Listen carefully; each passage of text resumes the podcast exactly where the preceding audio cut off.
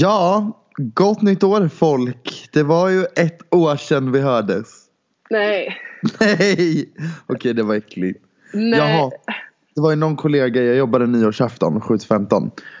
Um, jag älskar att, att jag var tvungen att säga tiden när jag jobbade också. Bara så här, ifall någon undrar. Nej, men det sen, var någon som gjorde. och sen så var det någon, eh, så min kollega hon bara, ah, men då ses vi nästa år. Jag bara, du, alltså jag kommer aldrig mer prata med dig ifall du säger sådär till mig en gång till. Mm. Och vi har en liten disclaimer jag och eh, Maja. Nu, glömde du mitt namn? Jag Men och... Men jag är bakis, ska man få fucking leva och existera i det här jävla landet? Nej det får man inte. Nej men vi har en liten disclaimer om, eh, vi pratade, var det förra avsnittet vi pratade om Iman Talabani? Ja, ja, jag tror det var för... Ja. I ett av avsnitten i alla fall så pratade och hyllade vi Iman Talabani och vi vill bara säga att vi absolut inte delar hennes vidriga antisemitiska uttalanden och åsikter. Som vi varit Nej. uppmärksamma på. Att hon Nej vi hade. hade, ju, vi hade ju ingen aning om det och jag är sån fett chockad typ. Jag visste inte att, eh, att hon hade de Nej. åsikterna. Så besviken måste jag ändå säga. Har hon kommenterat det? Eller Nej, eller jag tror någonting? inte, inte något jag vet i alla fall. Ja, fan vad synd. Men bara så ni vet i alla fall att vi delar absolut inte hennes åsikter. Verkligen Eller inte. hennes, det är inte en åsikt, det är bara hennes ja, Ja, antisemitism. det, det är fan långt ifrån. Ja. We, we do not stand uh, stupid queen. Antisemitic queen. Ja, jag visste inte vad Jag visste inte att det var Det där var bara en gissning på hur det uttalades. Mm. Och Nej, men det här är vårt, eller vi, ja, vi vill också säga, eller jag vill säga, och jag tror att Maja också vill säga, tack för all jävla support. Att vi hamnade 13, nummer 13 på mest spelade poddar i Sverige förra veckan. Nej, alltså nej, det, nej, nej, nej. men nej, det är så sjukt. Men det sjuka var ju att jag blev lite gråtig. Alltså, Nej men det sjuka var att jag typ vaknade två på natten. Får kolla min telefon. Ser sms från en hysterisk Maja Mogg Rosén.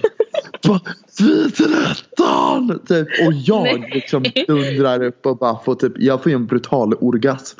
Ur my non-existing pussy. Alltså det var ju helt stört. Nej alltså jag typ spru- Alltså det var liksom liter av liksom. Jag tänkte säga smegma men det var det absolut inte. Jo! Vi pratade om det igår, det var därför det kom Oh came to my mind.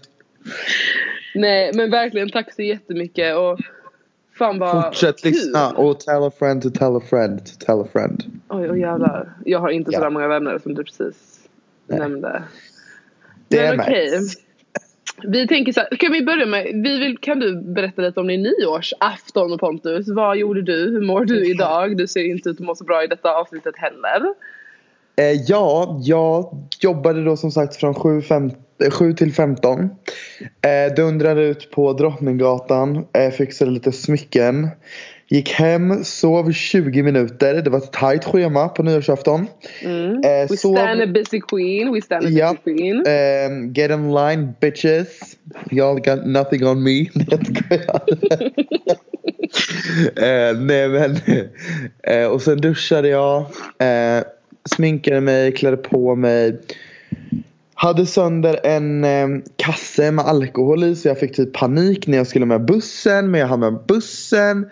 Åkte hem till min kompis Paula. Åt tillsammans med henne, Johanna och Ida. Eh, och sen så dundrade vi till Saga och festade sönder hela natten lång och det var nästan en alkoholförgiftning. Men. Alltså jag drack, nej men jag drack så mycket. Nej men jag, jag, ja, det kan jag också komma ut med här i podden. Januari kommer bli min vita månad. Åh, nej det där kommer inte hålla. Det där Jo, är men, så nej nej nej jag måste, nej nej nej alltså igår. Nej alltså igår, jag var så full. Jag drack Nej en nej nej nej. nej jag drack en liter sours. Ja. En halv liter vin och en halv liter Absolut vodka. Alltså jag var så fuck. Det var som att jag hade blivit påsatt av en hästkuk i mitt anushål. Det var inte en trevlig upplevelse. nej. Cannot recommend. Nej nej men alltså jag känner ju bara så här att eh, nu är det bra med alkohol. Jag känner faktiskt också så. För att jag, gumman, eh, kom ju hem. Nej men okej så här. Jag, jag hade nog inte riktigt koll på vad jag faktiskt drack igår. För att jag är då på en fest och eh, får tag i en flaska med vodka. Så den är inte ens min. Och då är jag redan lite så här eh, tjolahopp så va. Så att jag tänker jag går runt med en skitstor flaska vodka i typ två timmar och typ så här går runt och smuttar på den under typ lång tid. Ew. Så helt plötsligt bara, boom, bara står det till. Slutar med att jag åker hem till min mamma. Min mamma kollar på mig och bara Vad har du gjort? Jag är så vidrig. Jag lägger mig i hennes säng och bara äh, typ. Håller värsta talet bara att jag bara mina bröder får aldrig bli som jag. Uh, uh, oj, uh, typ så. Um, somnar, vaknar och känner att eh, nu har någon slagit mig i ansiktet typ. Så kände jag ju när jag Ja. vaknade. Och det känns ju fortfarande så. Ja, jag har precis ätit potatissallad eller gratäng typ. Så jävla gott. Hur, va- Alltså, alltså, hur typ vet man tre inte om man har salt ätit på. potatissallad eller potatisgratäng? Vad sa du? Hur vet man inte om man har ätit potatissallad eller potatisgratäng? Ja, men vissa kanske har lite problem med minnet. Du vissa. Ja, sån är jag. Sån är du. Take me as I am or watch me as I live. Oj, a queen.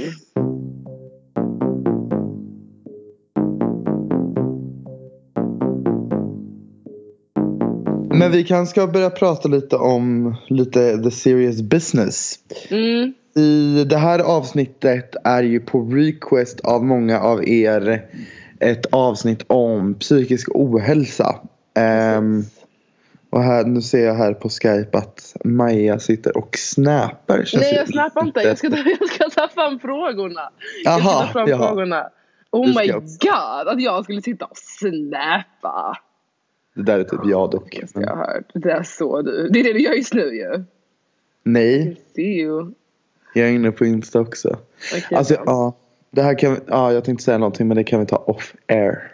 Vad- Nej, säg. Jag kan klippa bort det sen. Nej men jag har glömt bort det nu. Jag vet inte. Nej, det har du inte alls det. Jo. Det har du verkligen inte. Okej. Men ska vi börja med, ska vi börja med ett, eh, eller jag, jag la ju ut en, en story och bad folk typ så här dels ställa frågor men framförallt kanske dela med sig av erfarenheter och, och upplevelser de har haft. Ehm, och så vi kan liksom prata och kanske bara shine some light on vad folk faktiskt går igenom. Ja. Ehm, och jag har fått, alltså vi har ju fått så mycket fina historier och verkligen alltså tack till alla som, som ville dela med sig. Ja verkligen. Har du några personliga erfarenheter av psykisk ohälsa? Ja, alltså jag, Jag har fått väldigt många frågor om om vi har alltså Mm. haft erfarenhet. Jag har haft väldigt mycket erfarenhet men det kan vi ta sen. Men kör du först. nej men jag har väl alltid haft, eh, haft väldigt mycket eh, alltså general anxiety disorder, alltså väldigt mycket allmän ångest, alltså generaliserat ångestsyndrom. Ehm, typ hela mitt liv egentligen. Och det har väl varit sammankopplat med typ prestationsångest. Att jag alltid har, för jag vet inte om det är liksom många som har familj och släkt i andra länder och särskilt i länder som är u-länder som känner igen sig. Men jag har alltid, särskilt från min pappa, så har jag fått lära mig att jag måste bli någonting för att jag måste tjäna mycket pengar och skicka till mina släktingar och min familj och mina syskon i Elfenbenskusten. Um, vilket gjorde att jag fick extremt, jag kände, jag satte nog höga krav på mig själv men dels, men också kände jag att han satte rätt höga krav på mig för att att få höra när man är typ åtta att du måste tjäna så här mycket pengar för att du ska skicka pengar till dem. Det är jävligt Ja, jobbigt. och liksom. för att man ska ha något värde typ. Eh, Exakt, det är så här, ditt värde är vad du tjänar. Tjänar. Typ. Ja. Och sen så vet jag också att det har att göra med, alltså det är en kulturgrej och det är, det är inte hans fel så. Men Nej. det la jävligt mycket, ehm, det var tungt liksom för mig. Ja. Ehm, och har väl alltid Sen så har jag ju mycket, mycket problem och har varit med om rätt mycket Som egentligen kanske kan snacka om i något annat avsnitt Ja. Ehm, Men jag är också sån som typ så här förtränger saker Alltså jag, jag vill ju inte tänka på saker som är jobbiga typ Ehm, Ja. Men sen så gick jag till psykolog när jag var, första gången när jag var 17 tror jag Ja. vilket var sjukt sent. Och då har jag ändå gått runt och, och varit haft, haft liksom depressionssymptom länge. Men också haft den liksom att nej men jag ska klara mig själv typ. Mm. Eh, men så gick jag och träffade en psykolog och, och började väl med samtalsterapi. Höll inte jättelänge för jag gillade inte henne. Men fick också förklarat att jag är, alltså vad säger man, högkänslig, hög, highly sensitive person. Jag Ja. vet inte hur man säger på svenska. Vilket är, typ, det är ett personlighetsdrag. Det är ingen diagnos. Eh, vad jag vet, det kanske det är. Men vad, som jag har uppfattat det så är det ingen diagnos. Men det är nej, det- personlighetsdrag. Eh, som gör att jag antingen är så här, jag känner väldigt mycket eller så känner jag typ ingenting. Och Nej. det kan gå i vågor. Och jag är extremt känslostyrd och typ impulsstyrd. Jag har ingen liksom impulskontroll. Nej tack. Det, det där är old news honey. Nej men du vet så. Ehm, så det fick jag ju förklarat för mig. Ehm, men i övrigt tyckte jag att det där var whack. Alltså jag, blev, jag fick inte hjälp med min ångest för fem öre. Det enda de ville göra var typ så här kasta massa ångestdämpande på mig typ. Ja exakt. Och jag ja. var så nej det där jag vill inte. För att jag är inte någon som, I don't do pills typ. Jag känner inte att, kan, måste jag så gör jag det. Men ehm, Förutom om jag inte- knark. Nej jag skojar. Gud jag vet inte vad säger du för något? Nej, nej. ja, Eh. Nej men det är såhär, jag, jag, I don't do pills, alltså jag tycker inte om det. Bara i allmänhet. Eh, så jag kände att de försökte typ så bara slänga, slänga piller på problemet typ. Och jag bara, Ja. no bitch, not feeling that. Så jag slutade gå där. Och sen efter det har jag inte fått någon hjälp. Jag försökte väl gå, för jag hade ju haft mycket, jag har haft mycket panikångest. Mycket, Mm. många panikångestattacker. Men framförallt, eh, ah, vad heter det? Alltså, oh my God, vad heter det? Det, det är ett speciellt ord.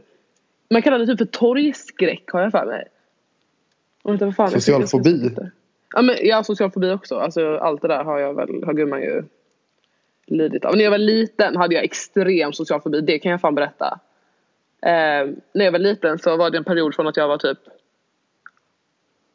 kanske sj- sju till åtta, nio där jag inte gick utanför huset. Alltså jag gick inte, jag gjorde inte det. Jag fick panikångest om jag satte min fot utanför huset. Alltså jag vägrade. Mm. Jag gjorde inte det bara. Eh, jag hade extrem social fobi. Men sen så jobbade jag väl typ bort det. Men sen så gick det lite över i agorafobi heter det. Eller torgskräck. Eh, typ panik av att fin- liksom vara i en situation med mycket folk. Ja. Eh, och sen så på grund av agorafobin panikattacker. Och sen så kaos. Ehm, men jag har aldrig haft, eh, jag har aldrig haft något självskadebeteende. I- eller ja, det är väl också en definitionsfråga. Träning har jag väl haft som ett självskadebeteende tror jag. Ja. Lite eh, på väg. Kanske jag vill inte säga att det var ett självskadebeteende men kanske på väg tills att jag liksom satt ner med min mamma och bara typ såhär nej det här jag tror att detta det är någonting som inte riktigt stämmer typ. För att jag tränade, alltså jag kom in i, jag kan fortfarande ha sådana perioder idag. Där jag typ kommer in i perioder och så tränar jag skitmycket, alltså varje dag. I typ flera månader. Eh, och det kan ju börja med att jag gör det för att jag tycker det är jävligt nice att träna. För att jag tycker det är kul. Jag har tränat, jag har ju gått på sport hela mitt liv och så.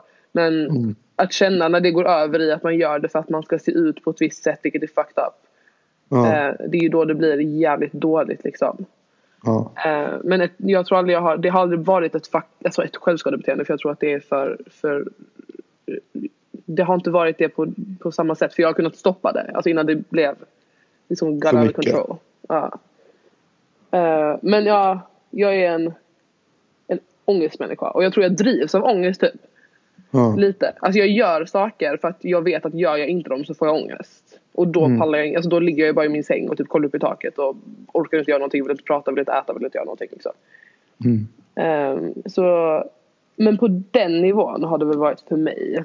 Du, jag vet att du har helt andra erfarenheter också. Du har väl lite samma men framförallt. Ja, jag känner, jag har legat här och bara så här, försökt typ lite så här, vad fan ska jag börja? Alltså, Mm. jag har väl, alltså, det här går väl rätt mycket ihop. Jag ska försöka förklara på ett typ så här rimligt sätt och så får du säga till ifall du inte fattar. Men jag tror att, ja, whatever. Jag har växt upp i en jättesuperduper trasslig familj. Jag har blivit misshandlad typ hela mitt liv. Eh, fått höra att det inte är något värd. Eh, bråkat med, alltså konstant med typ alla.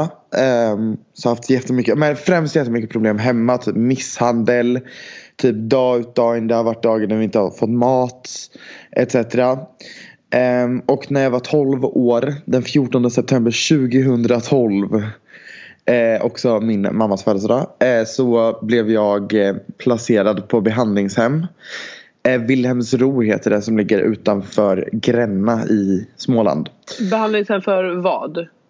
Alltså, ja det var Alltså behandling som det, man säger, det finns ju olika behandlingar men det här var ju typ för psykosociala problem. Alltså Mm. att man har typ ja, men, psykisk ohälsa, man har varit med om saker typ. Mm. Eh, och mina syskon flyttades till familjehem. För att de ansåg, socialtjänsten ansåg inte att de hade varit med om tillräckligt mycket så att då satte de mig där och mina syskon tillsammans. Så det var ju skönt att de fick vara tillsammans i alla fall. Mm. Ehm, och där mådde jag skitdåligt exakt hela tiden, varenda jävla sekund. Eh, och alltså hela den 2012 sommaren egentligen var ju alltså bara ett jävla mörker. Eller typ från 2010 till 2014 skulle jag vilja säga har varit typ depression, ångest typ så här om vartannat. Mm. Det har varit typ så här Ja men alltså just främst på behandlingshemmet i Wilhelmsro ehm, så mådde jag så dåligt att jag eh, försökte alltså ta mitt liv. Eh, typ vad var det? Fyra eller fem gånger tror jag. Jag tänker inte gå, gå in på var eller hur för att det Nej, känns det onödig information och typ Ja. triggande och bara onödigt. Men jag försökte i alla fall. någon. Och vart hämtad av polis, blev körd till eh, BUP i Jönköping där jag fick, eh, blev tvångsinlagd. Eh, det var typ fruktansvärd men mycket bättre personal än på Wilhelmsro där jag bodde. Eh, och sen så kom jag tillbaka, försökte ta livet av mig igen. Och sen så typ så slängdes jag fram och tillbaka sådär typ tre veckor. Sen fick jag flytta till ett behandlingshem i Stockholm utanför Upplands Väsby, mellan Upplands Väsby och Vallentuna. Ehm, och där bodde jag i två och ett halvt år. Det, är, alltså det här är sån, sån information som inte så många vet om mig. Oj, ligger jag och visar min penis för dig nu? Nej. Gud. Ja, för jag ligger naken och så ligger jag Det är också att du tror att jag inte skulle säga någonting. Ja, nu, ja okej.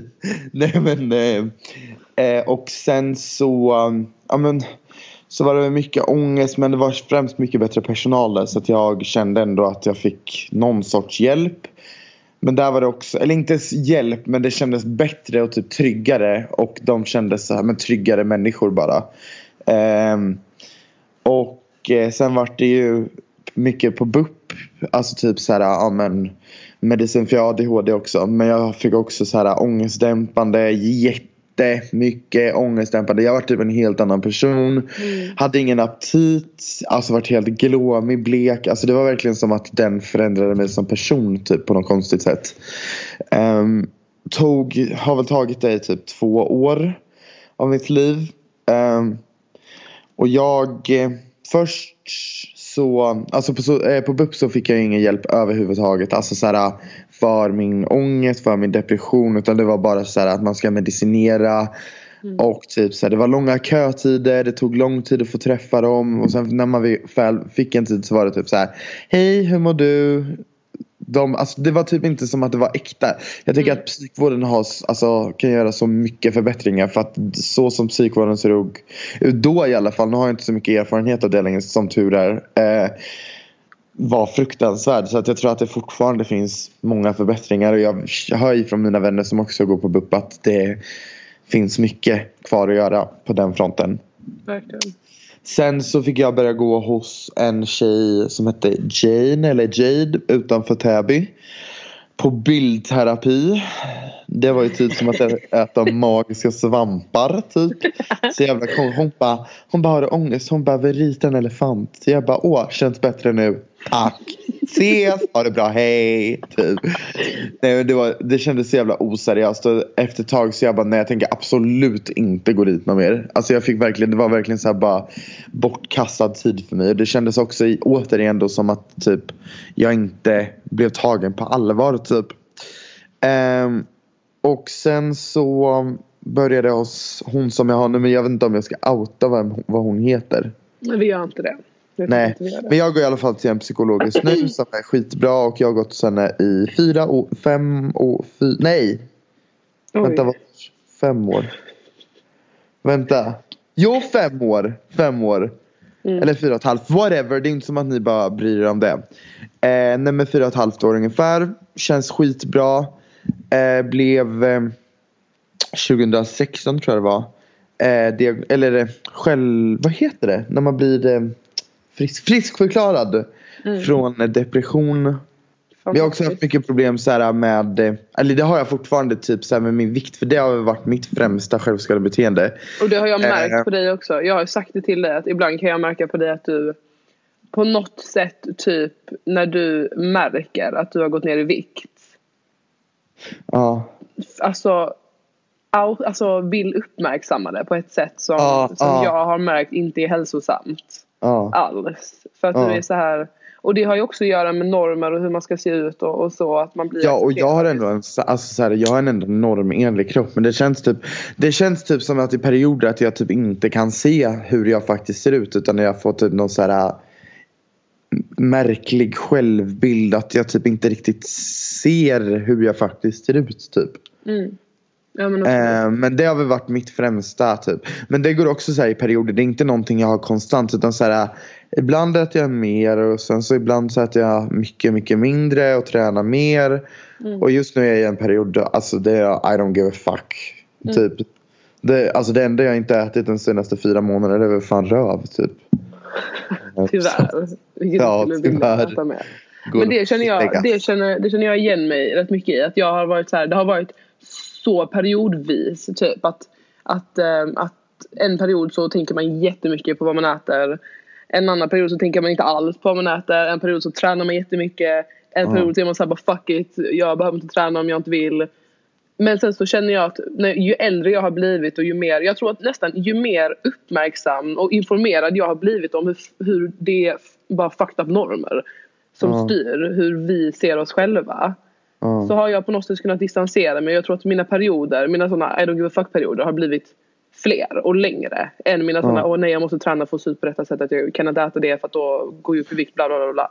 Mm. Um, vilket jag är så jävla glad för och det är ju mycket på grund av alla, alla fantastiska aktivister på, på sociala medier som, Ja. som jag har lärt mig att vad fan det finns ingen anledning att vi det finns ingen anledning att lyssna på de dumma jävla normerna för det enda de gör är att berätta för dig att du aldrig någonsin oavsett vad du gör är bra nog ändå. Ja. Um, så det är ju bara skita fullständigt i det och bara gör vad fan som gör dig glad men låt dig inte styras av hur samhället säger att du ska se ut och gör aldrig någonting för att göra någon annan glad utan gör det som gör dig glad och sen skit i Ja. allt annat. Vi får många frågor. Alltså det var, jag får väldigt många frågor om Alltså typ bipolaritet, ätstörningar, tvångstankar, OCD.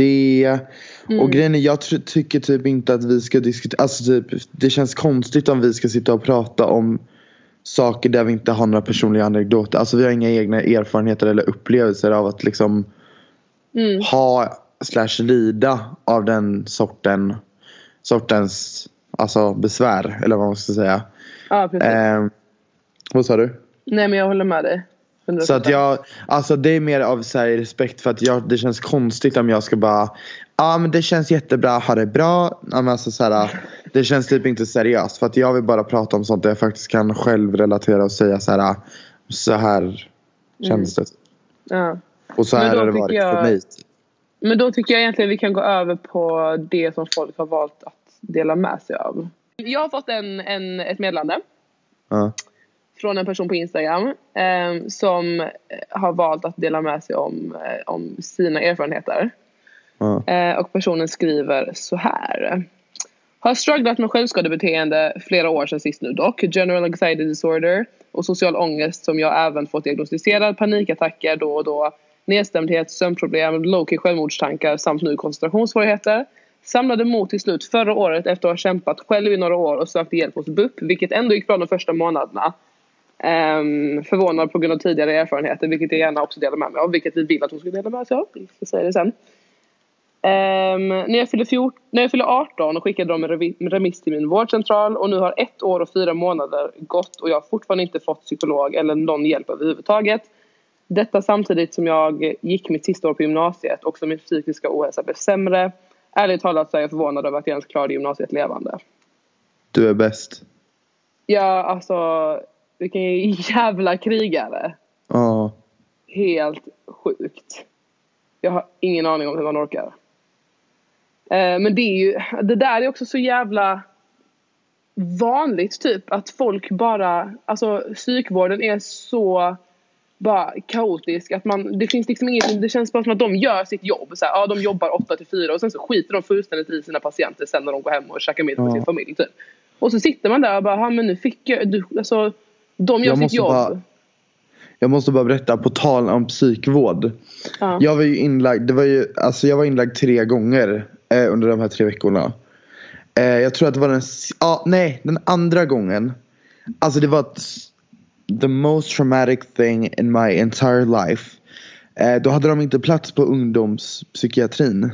Mhm. Så att jag var 12 år och blev inlagd på vuxenpsyk. Och det var, fan. Alltså det var så sjukt att se så här, och det kändes typ så oseriöst för att då liksom fick jag sitta Alltså det var som att jag satt i en typ fängelsebur. Fan. För att jag inte skulle, för att läkarna ansåg inte att jag skulle få alltså umgås med de vuxna internerna eller vad man säger. Eh, Eller patienterna. Ehm, jag vet inte vad jag ville komma med det men jag ville bara dela med mig av den erfarenheten och att det inte var en och det känns också så här vadå alltså ska barn barn ska liksom kunna få vara i en miljö där de alltså så här trots att de har psykiskt dåligt ska man fortfarande kunna liksom så här få vara ett barn. Självklart. Det är en, Alltså- jag tror det är en väldigt essential del i att, att läka och bli frisk. Att du måste Ja. kunna få vara ett barn. Och du Ja. måste kunna vara ett barn som mår dåligt. För det är klart som fan Och att kunna barn ha mår liksom dåligt. vuxna, för att de var ju bara alltså, specialiserade också på vuxenpsykiatri, alltså på vuxna människor som har psykiska besvär. Mm. Och inte barn. Så att det kändes ju också annorlunda jämfört med att vara på det andra stället. Självklart. Eh, Eh, har vi några till kommentarer? Några fler kommentarer? Alltså jag vill bara, typ fy fan, alltså så jävla stark och så jävla bra jobbat. Fatta att den här människan tog sig igenom detta helt utan hjälp i princip. ja. Och framförallt att det var liksom under tiden man går sista året på gymnasiet, vilket är typ det jobbigaste jävla fucking året någonsin. För det är så mycket tankar och man ska så här startar man studenten och vad ska hända sen och bla bla bla och hit och dit och wow, wow, wow. så att man faktiskt, bara det ger ju vem som helst fucking ångest och sen så Ja. på det en, en psykisk ohälsa som, som har varit alltså, psykiska problem sen innan och, och att man mår dåligt sen in, alltså att man ens alltså, att pa- pallat. Alltså jag hade, nej Ja, jag blev så jävla klarar det, imponerad. liksom. Det är ja. jävla bra jobbat och verkligen att personen är inte ensam och det är a fucking shame att psykvården är så äcklig som den är idag. ja. Och jag tycker att den verkligen behöver prioriteras mer än vad den gör. Gud ja. Idag, alltså det är en, verkligen en bortglömd, alltså det är verkligen så här samhällets gråzon. Det är, alltså det, det är de människorna, eller det är oss slash de som lider av det här som politikerna har glömt. Typ. Verkligen. Det tas ju inte på allvar.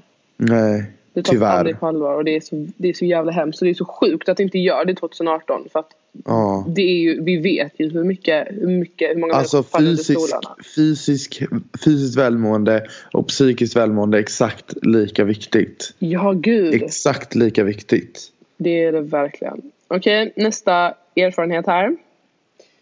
Har haft depression, ångest och utmattningssyndrom genom hela gymnasiet. Det glömde jag ju säga att jag har gått in i väggen tre gånger. Jag gick in i, första, i, väggen, jag gick in i väggen första gången när jag gick i åttan. Och sen Mm. gick in i väggen när jag började gymnasiet och sen i slutet av gymnasiet. Ehm, och det är fan, för fan vad äckligt det är alltså. Ehm, Ja, personen skriver har haft depression, ångest och utmattningssyndrom genom hela gymnasiet. Tyvärr är roten till många av dessa sjukdomarna eh, sättet jag blev uppfostrad på. Har en utländsk mamma som inte kommer från de bästa förhållandena. Eh, mycket som många av mina vänners föräldrar. Eh, vare sig om det handlar om krig, fattigdom etc. så har, det varit, så har de varit mer, mindre privilegierade än vad vi är just nu. Detta innebär att jag och många av mina vänner, främst tjejer, har fått höra att man av någon anled- har, inte har någon anledning att må dåligt eftersom vi har det så bra.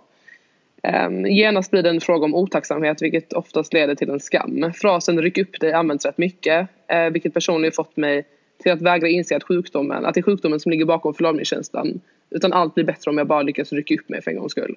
Dessutom är allt med psykisk ohälsa otroligt tabubelagt så det går inte riktigt att prata om det öppet i min familj. Och det där kan jag ju säga att fy fan, ja.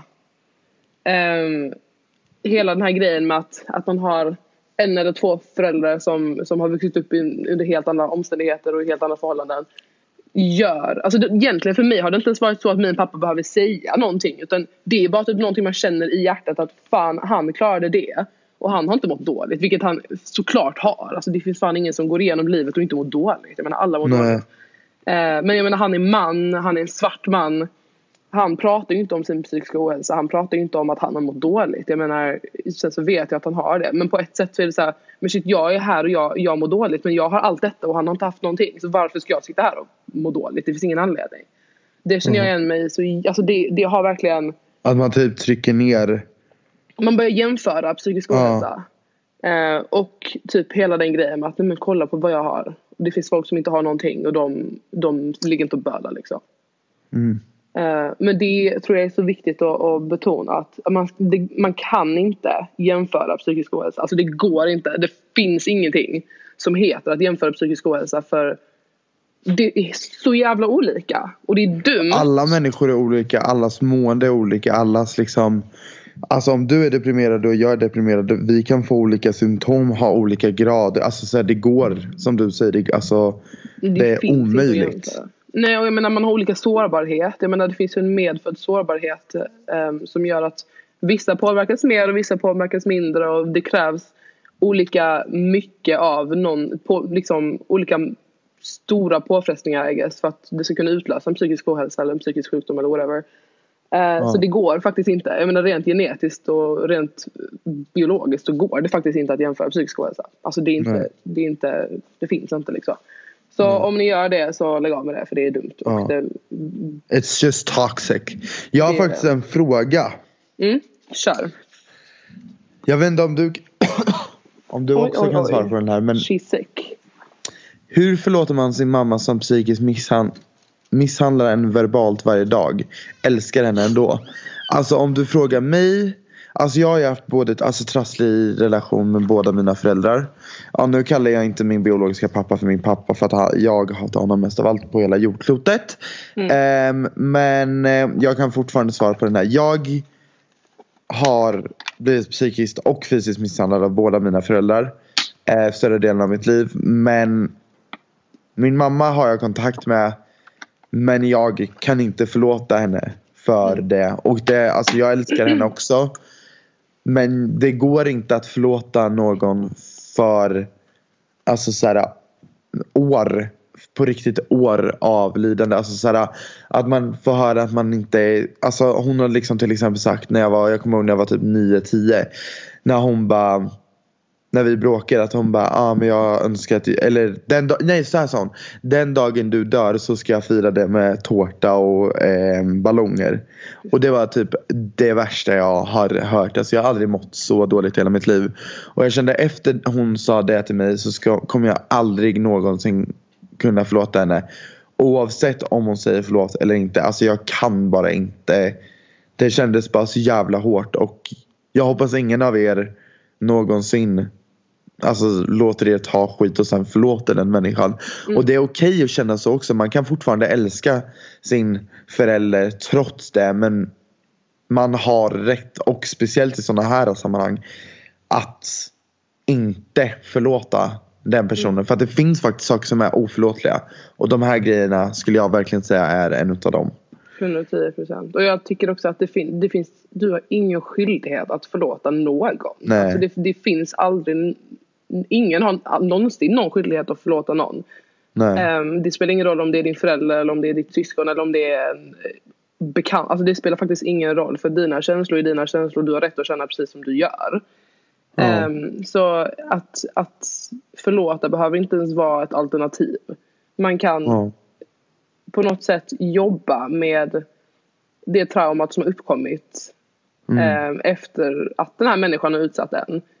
Men jag tror nästan det är viktigt att typ inte förlåta för jag tycker att man, man ska minnas. Så jag menar sådana såna grejer bidrar ju, det hjälper en att växa och det, det är viktigt att, att komma ihåg vad, vad man har gått igenom. Ja. Men att du behöver, egentligen du, klart du kan ju älska personer som har utsatt dig för, för misshandel. Eh, för ibland så har man, alltså jag menar att älska någon är inte ett val heller. Älskar Nej. någon så älskar man dem liksom. Tyvärr ibland. Tyvärr så är det ju så att det är faktiskt inget val. Eh, men att förlåta det behöver inte vara ett alternativ utan man får bara hitta typ ett förhållningssätt. Och tänka på sig själv i första hand. Framförallt. Mm. Och bara vill jag. Ja det är verkligen det viktigaste.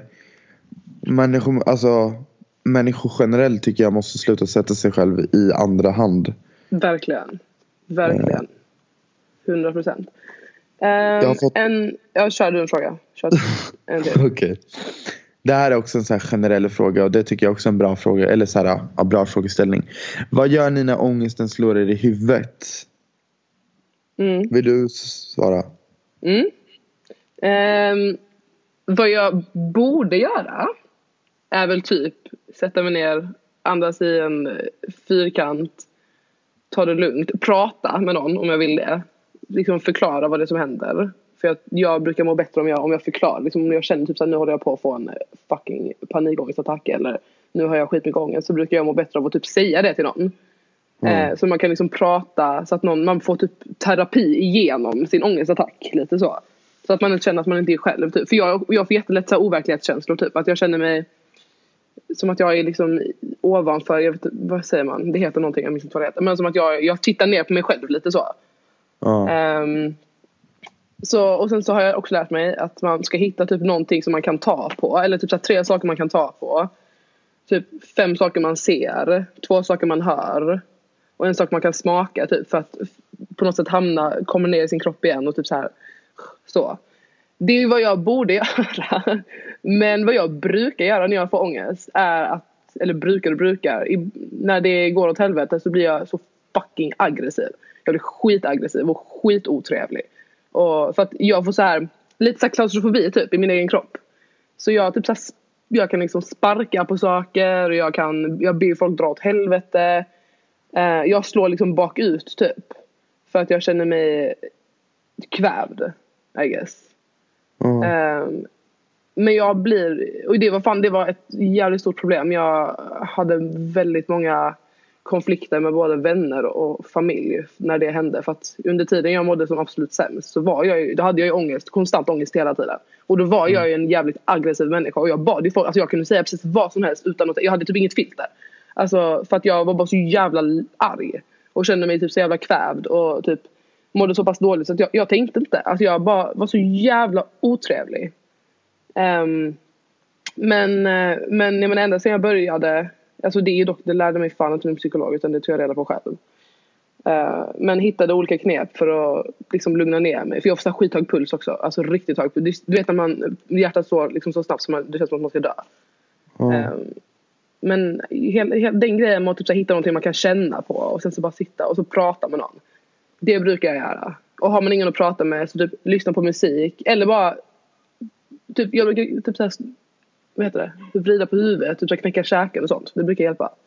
Mm. Jag vet inte, för att typ stimulera. Ehm, så det är vad jag borde göra. Och gör mer nu än vad jag gjorde innan, vilket är bra. Men Framsteg. Ja, faktiskt. Kolla, she's progressing. Yes. Vad brukar du göra, min kära Pontus? Du, alltså jag gör ju bara typ en grej och alltså det är verkligen det enda som funkar för mig och det har verkligen alltid funkat. Det är att lyssna på musik. Alltså såhär, Mm. lyssna på musik eller kolla på Eurovision. Typ såhär Eurovision 2009, typ såhär Moldavien, Estlands bidrag, Ryssland är också jättebra.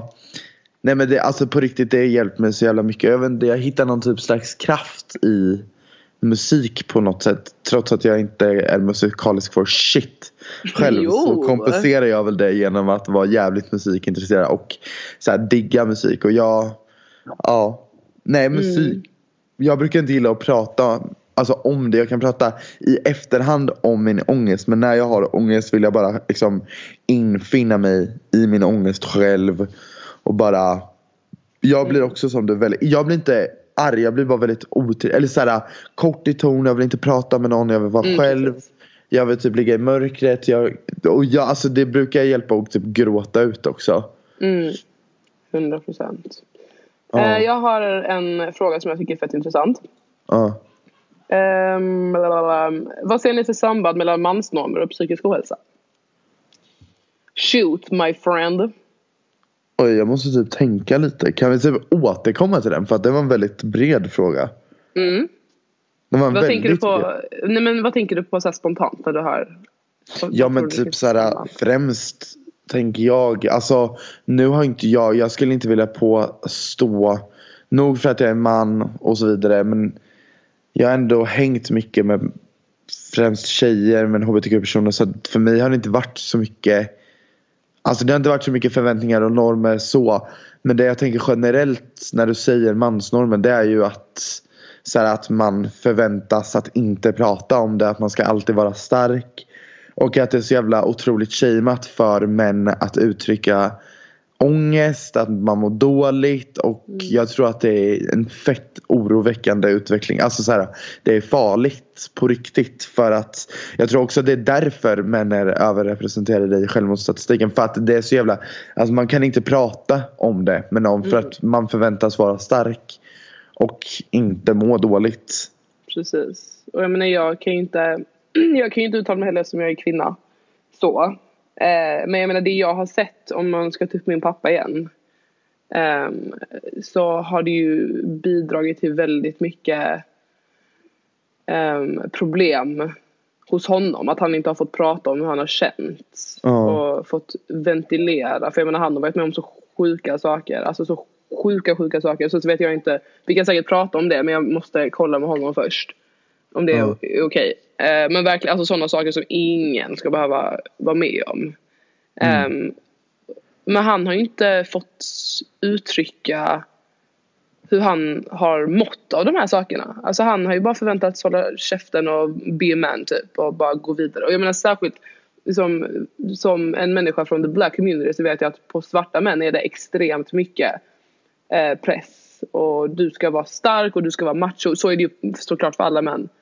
Ehm, men svarta män har fått gå igenom, eller går igenom och har alltid tvingats gå igenom så jävla mycket skit. Så man har inte haft något val typ. Man måste vara stark och du måste vara lite så här, eh, du vet de ska vara lite gangster och de ska vara hit och dit och de ska vara tuffa och fram och tillbaka upp och ner. Eh, och samtidigt som att det är inte manligt att prata om sina känslor. Mm, mm, mm, vilket är så, alltså det är det. Bullshit. Det är så äckligt. Alltså jag hatar när folk säger så. Det är så. Och det är så skadligt. Och det är precis som du säger. Det är, jag är helt övertygad om att det är därför män är överrepresenterade i självmordsstatistiken. 110 procent. För de får, inte, de får inte må dåligt. Och man Nej. känner sig omanlig ifall man faktiskt mår dåligt. För det är så här, mår du dåligt så mår du dåligt. Och får Ja. du inte, vet du att det är fel, då kommer du må ännu sämre.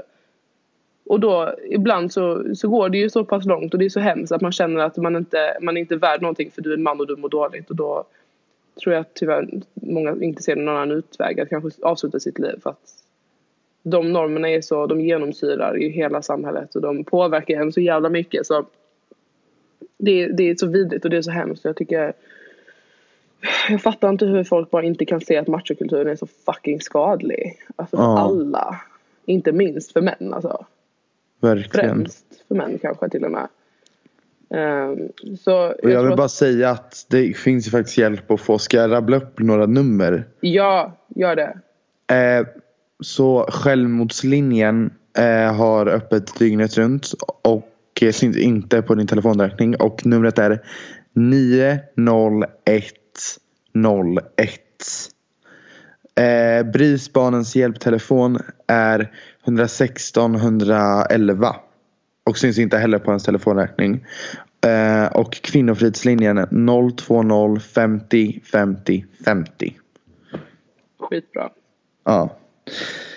Eh, sen fick jag en annan fråga. Eh, den här tycker jag är väldigt svår. Eh, många använder psykisk ohälsa som en ursäkt att bete sig shitty. Thoughts. Gud, det där, det, där har näst, det där känner jag igen mig i. Jag har gjort det. Många gånger tror jag. Um, för när jag, som jag sa innan, att när jag hade den perioden när jag mådde skit. Ja. Så ursäktade jag, eller, mm, eller okej, dels har jag väl kanske gjort det. För att jag ursäktade kanske för mig själv. Alltså jag, när jag satt och reflekterade över att jag hade faktiskt gjort människor ledsna. Så tänkte jag att ah, men det är för att jag mår dåligt, jag kan inte kontrollera det. Vilket också var så här, ibland kunde jag inte det.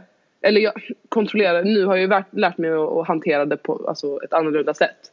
Ja. Men eh, när jag blev liksom ifrågasatt och, och folk sa till mig att jag betedde mig dåligt så så eh, skyllde jag ofta på att jag inte, att jag inte mådde bra liksom. Och det är Mm. inte okej för fem öre för du kan inte skada andra bara för du själv mår kass liksom. Det är inte okej. Men, ehm, men jag tror nästan främst för mig själv. För att inte få ännu mer ångest av att jag hade behandlat människor som skit så, så ursäktade jag väl mitt beteende på att jag mådde dåligt. Vilket i längden fick mig att må ännu sämre. Mm. Eh, Så jag tror att gör du det så hitta medel och verktyg för att hantera din ångest och ditt dåliga mående Ja, annat och sök hjälp tycker jag faktiskt är det viktigaste. Jag vet att vi har pratat mycket om att det är alltså så här, dåliga erfarenheter men det, alltså så här, jag sitter här, jag lever. Mm. Alltså jag kan ändå säga att typ, så här, det, alltså det finns dåliga historier och den suger fett mycket men alltså det finns ju verkligen hjälp att få. Det finns ju människor som verkligen brinner på riktigt för att du ska må bra så sök den hjälpen för den finns. Mm. Och om du, inte, om du inte är nöjd, om du inte känner att du får hjälp då tycker jag att man ska säga det, vara så här uppriktigt ärlig. Verkligen. Eh, jag vet att det också kan vara jävligt svårt men gör det för ditt eget bästa för att det är viktigt. Mm. Och det är värt ett försök. Det är alltid värt ett försök. Ja, 100 procent. verkligen. Eh, jag tänkte ta upp det. Eh, för att har du hela grejen med självskadebeteende så, vet jag inte hur, hur djupt man kan gå in för jag vet att det kan vara extremt triggering. Ja. Men jag har inte haft ett självskadebeteende Nej. av den omfattningen så att jag eller jag har inte haft ett beteende som varit så pass skadligt så att jag vill benämna det som ett självskadebeteende. Men eh, jag har haft många vänner, många, många när, alltså jätte, jättenära vänner som har självskadat på olika sätt. Eh, och jag kände under tiden, jag menar jag har, har ju vänner som har Det har ju varit allting, allting från, att, från att skära sig till Jag har vänner som har tagit överdoser, flera överdoser.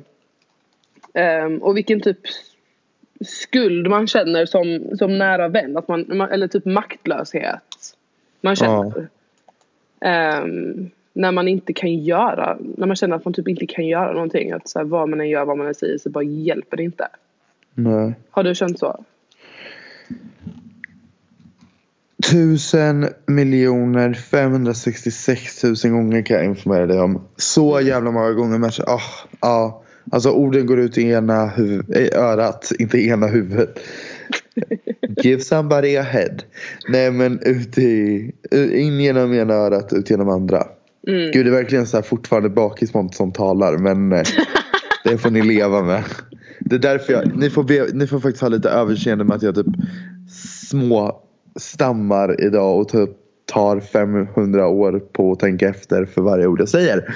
Men sån är jag. ändå. Men äh, åter till frågan. Ja, jag har känt det så jättemånga gånger och det, man känner sig så jävla jag vet inte, det känns bara så jävla svårt för att man vill personens bästa men det vill liksom inte gå in. Mm.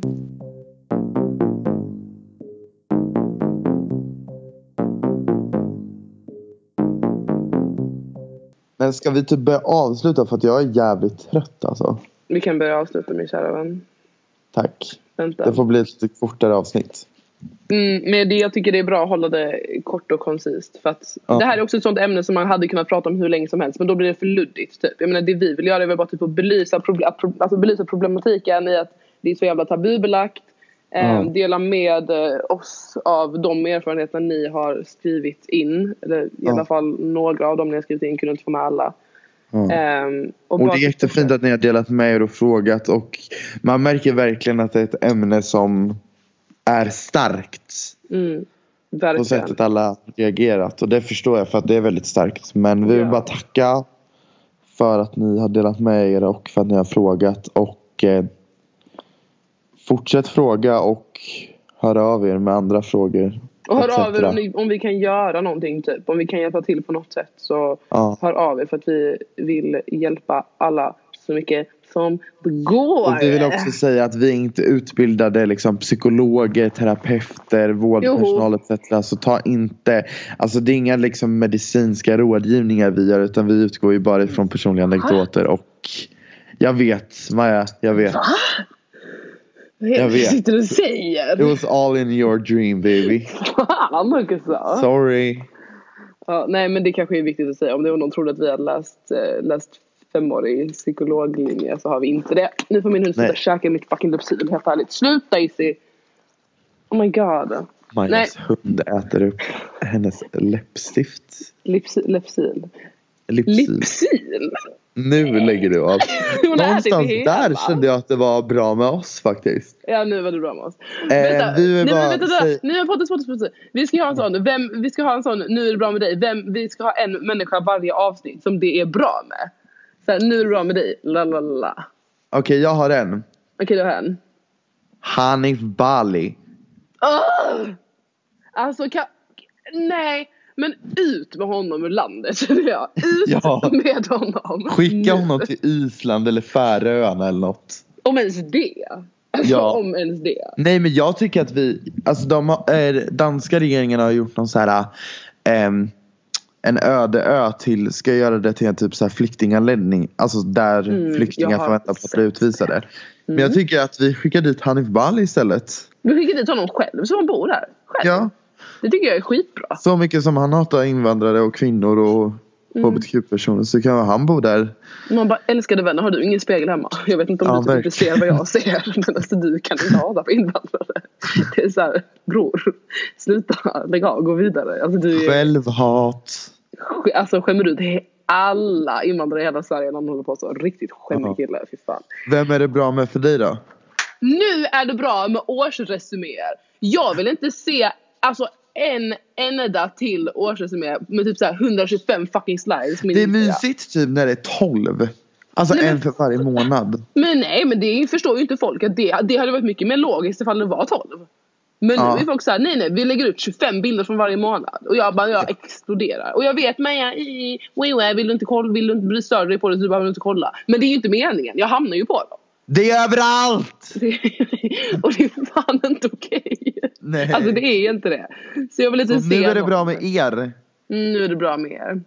Men då, då avslutar vi nu Pontus. För att du håller på att somna säger jag. Ja. Mm. Så vi vill bara hälsa er sug och svälj, trevlig helg. Nej jag skojar, jo. Jo, Ehm, eh, ni behöver inte svälja om ni inte vill. mig. Ni behöver inte svälja om ni inte vill. Okej, preach. Du, eh, godnatt. Godnatt. Mwah. Vi hörs sen.